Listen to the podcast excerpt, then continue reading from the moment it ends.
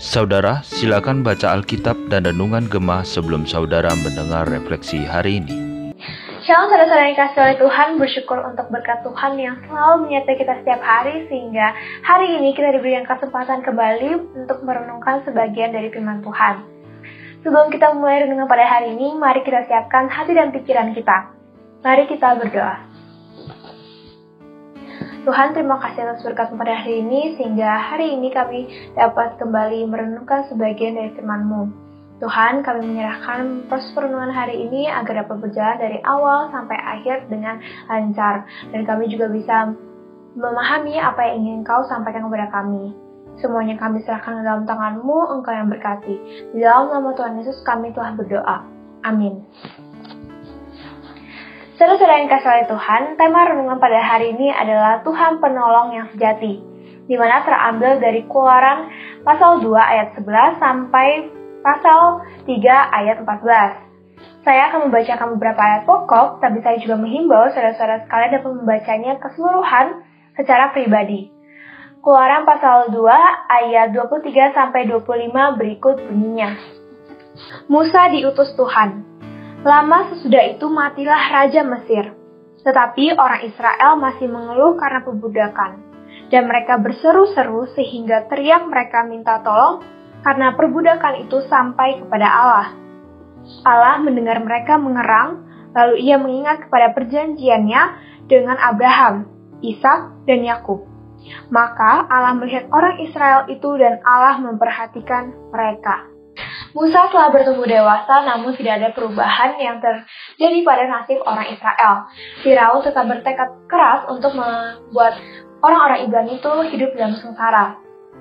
Musa merupakan seorang Mesir, tetapi ia menganggap dirinya bahwa ia merupakan seorang Ibrani. Hal ini tercermin ketika Musa memanggil um, orang-orang Ibrani sebagai saudaranya yang seperti kita baca pada bacaan hari ini. Musa karena ia ingin membela saudaranya, ia membunuh seorang Mesir. Dari hal ini kita melihat bahwa hasil Musa untuk membantu orang Israel keluar dari penderitaannya merupakan hal yang sangat mengagumkan. Tetapi di satu sisi, ia bertindak gegabah karena melakukan hal tersebut dengan mengikuti nalurinya, kekuatannya sendiri, mengikuti caranya sendiri yaitu dengan membunuh orang Mesir tanpa ada perintahnya Tuhan. Atau mungkin bisa jadi hal tersebut sebenarnya Tuhan tidak ingin hal tersebut terjadi.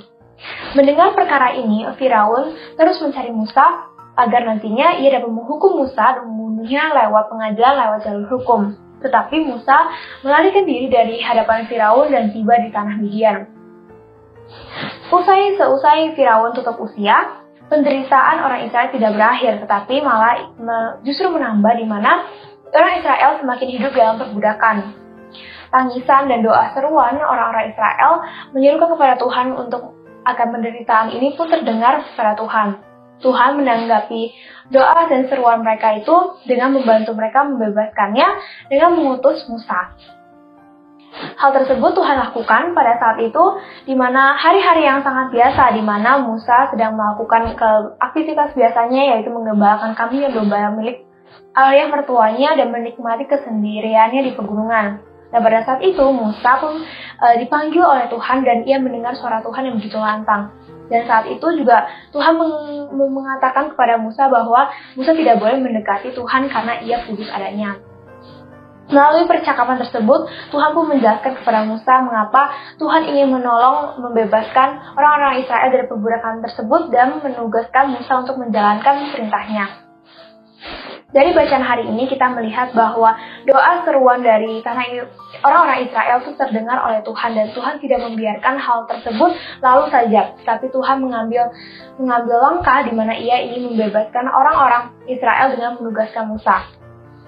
Dan dari bacaan hari ini kita melihat bahwa begitu besar kasihnya Tuhan dan menonjolnya dari semua tindakan-tindakan yang Tuhan lakukan agar nanti orang Israel dapat terbebas dari penderitaan tersebut. Hal ini perlu kita pelajari dan kita sadari bahwa dalam kehidupan kita mungkin kita banyak mengalami penderitaan, baik penderitaan secara masalah kecil maupun masalah besar. Tapi kita harus ingat bahwa seberapa kecil masalah tersebut jangan kita simpan atau kita hindari dari Tuhan, tapi kita harus belajar terbuka kepada Tuhan menceritakan segala isi keluh kesah kita. Karena jauh di dalam lubuk hati kita sebelum kita mengatakan pada Tuhan, sebenarnya Tuhan telah mengetahui apa yang kita gumulkan setiap harinya.